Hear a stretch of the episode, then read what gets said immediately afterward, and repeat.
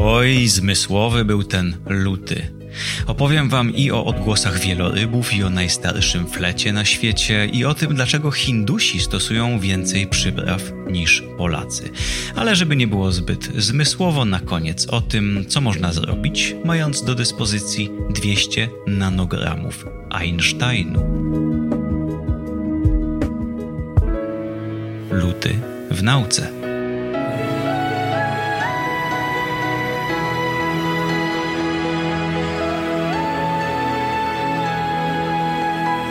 Podcast powszechny. Weź, słuchaj.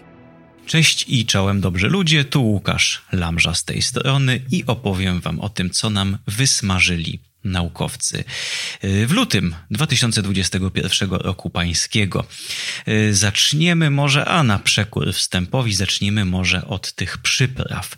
Jest znanym faktem od wielu, wielu lat, że w pewnych miejscach na świecie stosuje się więcej przypraw na danie niż w innych. I w latach 80. zostało to systematycznie wykazane. Została też sformułowana taka hipoteza, że to ze względu na ciepło na wyższą temperaturę. Ogólnie rzecz biorąc, w krajach cieplejszych y, miałoby być stosowane więcej przypraw ze względu na większe ryzyko ataków y, mikroorganizmów. Przyprawy mają działanie konserwujące, mają działanie antybakteryjne, w związku z czym jakoś tak utarła się taka hipoteza, że to dlatego że to właśnie ze względu na to y, stosowanych jest więcej przypraw. I w tym miesiącu zostało to ponownie zbadane, może powiedziałbym nieco dokładniej. Mm, I wyszło na to, że to nie jest wcale takie proste, że jeśli przyjrzeć się większej liczbie zmiennych, to znajdzie się więcej związków. Y, zacznijmy może od samych takich y, nagich faktów, y, w jaki sposób naukowcy podeszli do tego tematu. No mamy tutaj, słuchajcie, gigantyczne, gigantyczne badanie. Zostało zebranych kilkadziesiąt tysięcy przepisów, nie tylko z książek kucharskich, ale przede wszystkim z danych etnograficznych z najróżniejszych stron świata. Tutaj mamy Stany Zjednoczone, Europa, północ, południe, Chiny, Japonia, Indie, Filipiny, Filipiny, Nigeria, Ghana, Afryka Południowa, Liban, Iran, czytam listę krajów. Wiele rejonów w danym kraju, co my tu mamy, Kenia, Malezja, Gujarat, Bengal, czyli jedziemy regionami. Zostało zidentyfikowanych około 90 tego typu regionów, no jednolitych w miarę językowo, kulturowo i no właśnie, kulinarnie. I w każdym z nich zostały wybrane przepisy, zostało zebrane w jaki sposób ludzie rzeczywiście wykonują dania, i została wyznaczona jedna prosta liczba podstawowa, ile przypraw na danie. Średnio, średnio na jeża. Y, jakbyście się zastanawiali, no to mistrzami świata są Etiopczycy, mamy niemal 8 przypraw na danie. W okolicach 6, cóż my tu mamy, Indonezja, Punjab, y, Rajasthan, potem Karaiby, Maroko, Tajlandia, Indie Południowe, Malezja, Kenia, dochodzimy do czterech przypraw na danie i w okolicach trzech, no już zaczyna się robić bardziej swojsko.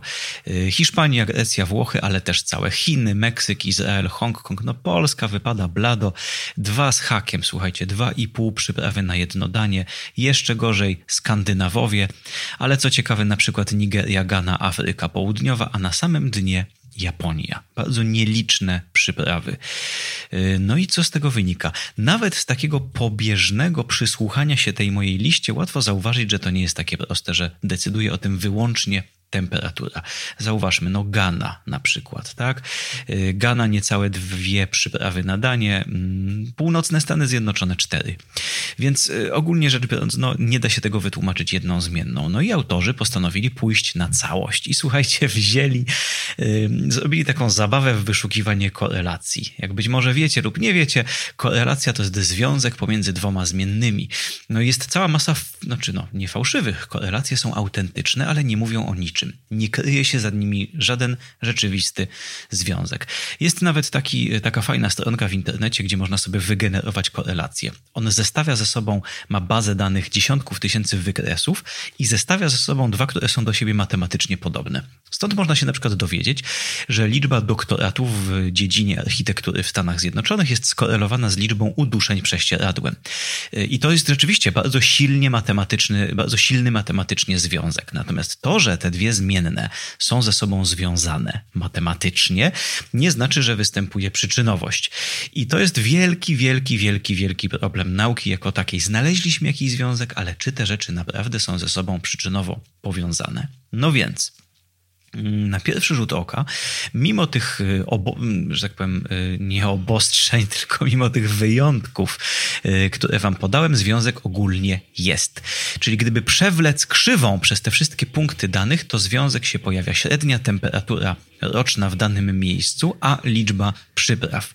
Korelacja jest. Ogólnie rzecz biorąc, zimniejsze kraje faktycznie mają mniej tych przypraw, ale oni dołączyli do swojej analizy kilkadziesiąt różnych zmiennych.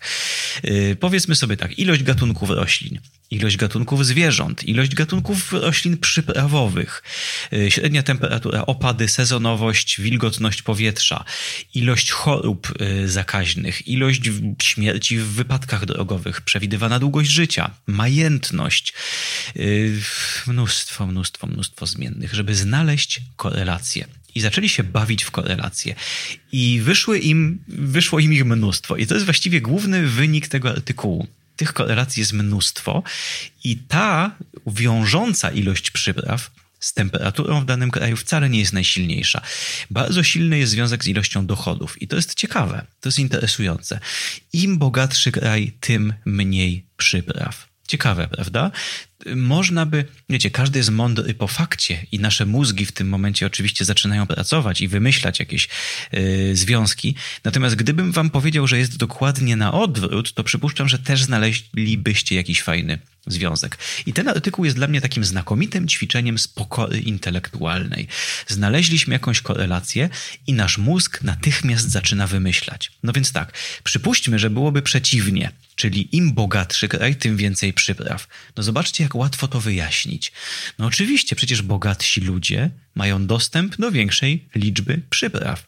Mogą sobie sprowadzić madagaskarskie przyprawy i indonezyjskie. Ja przecież jako mieszkaniec względnie majętnego kraju, jakim jest Polska, no w skali światowej w każdym razie, przecież mogę pójść sobie w każdej chwili do y, marketu i stać mnie na to, stać nasz kraj na to, żeby sprowadzać przyprawy z całego świata. Mogę sobie kupić w każdej chwili za średnią pensję średniego Polaka. Mogę wejść do Auchan i do innego sklepu i kupić sobie 50 y, różnych przypraw. Żaden problem. Więc gdyby było na odwrót, to też byśmy to świetnie uzasadnili. Tymczasem, tymczasem jest tak, że im biedniejszy kraj, tym y, więcej przypraw. Najbogatsze kraje, Japonia, kraje skandynawskie stosują najmniej przypraw, y, a na szczycie są kraje takie jak Etiopia, takie jak niektóre y, regiony Indii, biedne, kraje takie jak Kenia, Maroko, Indonezja, Tajlandia, gdzie mamy względnie, względnie ubogi kraj. No i cóż z tego wszystkiego wynika? Żeby nie skakać yy, od razu, nie rzucać się z jakimiś wyjaśnieniami przyczynowymi, oni nie proponują żadnego. Słuchajcie, oni, to jest taki artykuł, który, to nie jest tak, że oni obalili jedną hipotezę i rzucają następną. Nie, oni pokazują, że związek jest, ale tych związków innych jest mnóstwo. I nie musimy wcale od razu sięgać, żeby żeby to wyjaśnić. Może to nie jest jakieś wyjaśnienie jednoczynnikowe. Może historia tego miejsca ma jakiś wpływ na to, może jakieś wpływy kulturowe. Tego może być naprawdę, naprawdę mnóstwo. Natomiast taka ciekawa rzecz jeszcze czysto obserwacyjna, bardzo ciekawy taki gradient y, w Europie to jednak jest on bliższy nam krąg kulturowy. Najwięcej przypraw Portugalia, potem nieco mniej Hiszpania, jeszcze mniej Włochy, Francja, UK, y, Polska gdzieś tam na końcu.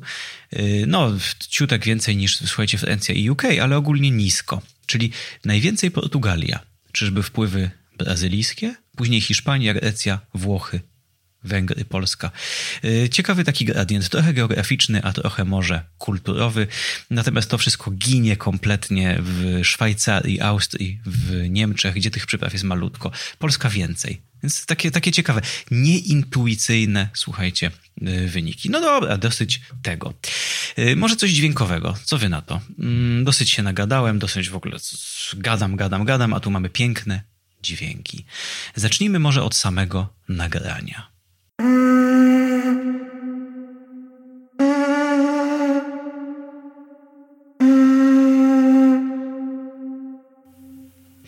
To, co słyszeliście, to przedmiot znaleziony w pewnej jaskini na południu Francji. To jest muszla. Słuchajcie, to jest muszla yy, mięczaka, muszla ślimaka długości mniej więcej 20 centymetrów. To jest taka konkretna koncha, yy, którą znaleziono no, już na początku XX wieku, natomiast nikt jej wtedy zbyt szczegółowo nie zbadał. I dzisiaj ktoś postanowił przyjrzeć się jej dokładniej, wydatowana na mniej więcej 15 tysięcy lat temu. I co? I zauważono, że ma modyfikację. Została nieco poobłupywana, jej czubek został utrącony, zalepiony, zostały tam wykonane celowo różne otwory, y, dzięki którym można do niej włożyć ustnik, a kiedy wręczono te muszle pewnemu anonimowemu francuskiemu muzykowi, ten był w stanie na niej zagrać. Ostatecznie udało mu się wytworzyć trzy dźwięki y, odpowiadające C, cis i D czyli, czyli półtonami. Udało mu się zagrać. Yy, on sam opisywał, że mniej więcej taką techniką, jaką normalnie grałby na trąbce, czyli wibrując wargami. No i udało się. Jest to, słuchajcie, jak się okazuje, najstarszy, niepodważalny instrument denty świata. Yy, są starsze, natomiast nie do końca jest pewne, czy one są instrumentami muzycznymi. W Słowenii jest taki piękny, poobłupywany kawałek kości z otworami. Niektórzy przypuszczają, że flet neandertalski zresztą, ale inni mówią, że niekoniecznie. Tymczasem ta francuska muszla sprzed 15 tysięcy lat była rzeczywiście instrumentem muzycznym. Słuchajcie, przeżyjmy to jeszcze raz. Dźwięki, jeszcze zobaczcie z jakim pięknym pogłosem muzyki jaskiniowej.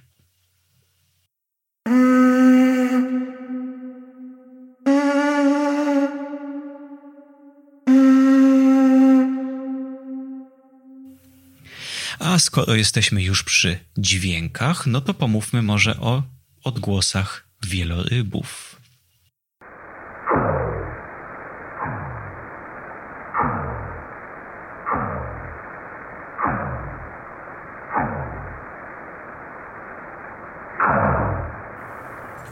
Okazuje się, że mogą być stosowane przez geologów, a w zasadzie przez, no nie wiem, geofizyków, sejsmologów do badania dna oceanicznego. Y, jak przypuszczam, że wiecie, naukowcy wywołują różnego rodzaju dźwięki, żeby badać wnętrze naszej planety. Podstawową taką metodą stosowaną chociażby przy płytkich badaniach geofizycznych jest e, eksplozja. Montujemy ładunek wybuchowy, wbijamy w grunt jakiś taki, e, no kiedyś to po prostu waliło się laskę dynamitu e, i mierzymy odbicia tych fal za pomocą sejsmografów. Powstaje w ten sposób sejsmogram. Ja zawsze muszę sobie powtórzyć te słowa, zanim je wypowiem, y, żeby się upewnić, że dobrze mówię y, i można w ten sposób się dużo dowiedzieć. Te fale się odbijają na nierównościach terenu, na granicach pomiędzy mm, różnymi rodzajami skał. To jest standardowa metoda geofizyczna.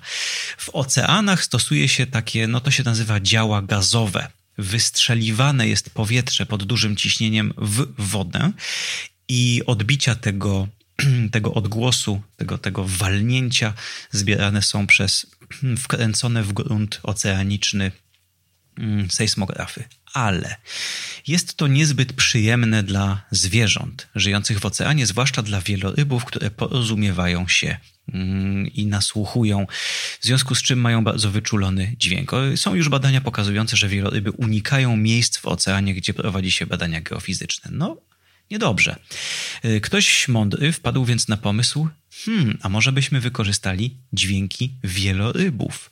Tak naprawdę zaczęło się od przypadku. Ktoś zbierał nagrania z jednego z takich y, oceanicznych sejsmografów i zauważył, że zbierane są nawoływania wielorybów, ale po nich są też te późniejsze echa. Te sejsmografy są już tak czułe, że zbierają nie tylko nagranie dźwięku wieloryba wydane wiele wiele czasami kilometrów dalej, ale także te echa wędrujące ziemią, dnem oceanicznym. I udało się odczytać z tych nagrań właściwości dna oceanicznego.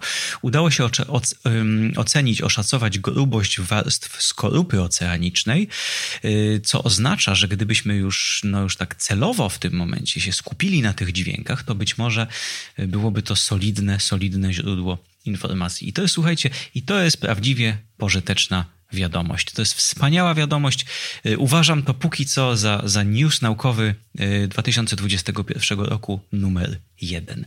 Nie dość, że potencjalnie możemy wyeliminować te działa gazowe dręczące morskie walenie, w dodatku możemy same te walenie, kiedy już wrócą na tereny, z których je wygoniliśmy tym waleniem, same te walenie mogą w tym momencie stać się dla nas źródłem sygnału, źródłem wiedzy.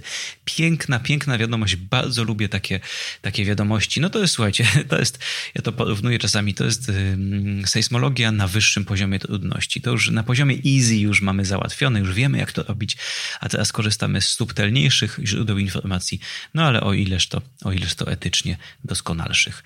Yy, może tam e, rozdzielczość niższa, ale słuchajcie, e, jakość etyczna zdecydowanie wyższa. Kibicuję, słuchajcie, kibicuję z całego serca. A na koniec o tym e, obiecanym Einsteinie, tylko króciutko, głównie po to, żeby przypomnieć wszystkim, że jest pierwiastek Einstein.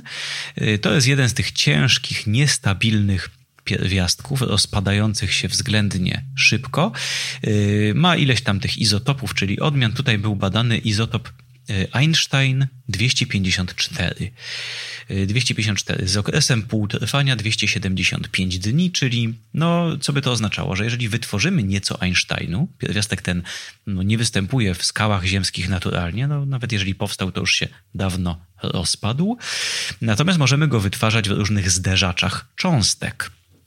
W związku z czym grupa y, naukowców z Los Alamos postanowiła wytworzyć troszkę Einsteinu, konkretnie niecałe 200 nanogramów i szybciutko przeprowadzić badania, zanim im się to rozpadnie. No, mogę wam puścić y, dźwięk, puścić nagranie y, z dźwiękami fletu, nie mogę wam pokazać świecącego Einsteinu, ale wyobraźcie sobie taką probóweczkę i na dnie normalnie świecący na zielono osad. Tak wygląda Einstein w Y, dlaczego to jest istotne? No, badanie tych ultra ciężkich pierwiastków, tych niestabilnych, tych jeszcze cięższych od uranu i plutonu jest ważne, dlatego że uczymy się dzięki temu o budowie jąder ciężkich, a więc poznajemy y, budowę materii w tej najmniejszej skali. Słuchajcie, nawet takie najgłębsze poziomy wiedzy o, o wszechświecie, wszystkie te kwarki i gluony, cząstki elementarne, zachowanie się tego możemy też badać w jądrach atomowych. A jak badać te jądra, jeśli się rozpadają? No oni y, przyskrzynili, czyli oczyścili próbkę, którą mieli, tak że zostało im tylko odrobinka Einsteinu i wytworzyli związki chemiczne z atomami Einsteinu. Y, mogli dzięki temu badać, jakie tam są energie, jakie tam są wiązania chemiczne, ile siły trzeba, żeby to jądro y, stamtąd wybić. Krótko mówiąc, wykonywali normalne, normalne badania chemiczne na związkach chemicznych Einsteinu. Y, dzięki temu, no właśnie mówię, możemy, modyfiko y, możemy modyfikować, tak, i możemy y, doprecyzowywać nasze modele budowy materii. No i tyle. I tyle na dzisiaj. Piękny, słuchajcie, piękny był to luty. Nie zapomnę go nigdy, wbrew oczywiście temu, co słyszymy wszędzie wokół, że był to być może najgorszy luty w historii lutych. Y, my się nie dajemy, słuchajcie, my się nie dajemy. Coś się kończy, coś się zaczyna, coś jest paskudne i coś jest piękne. Y, dzięki, że byliście ze mną i wytrwaliście nawet do moich y, coachowskich, być może nieco tandetnych finiszów. Mm, dzięki, że byliście ze mną i do zobaczenia, do usłyszenia za miesiąc. Dziękuję i pa pa.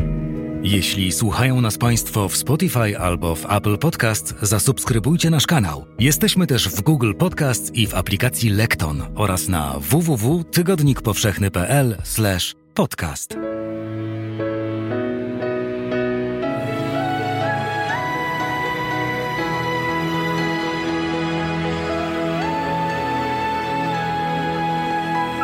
Podcast powszechny.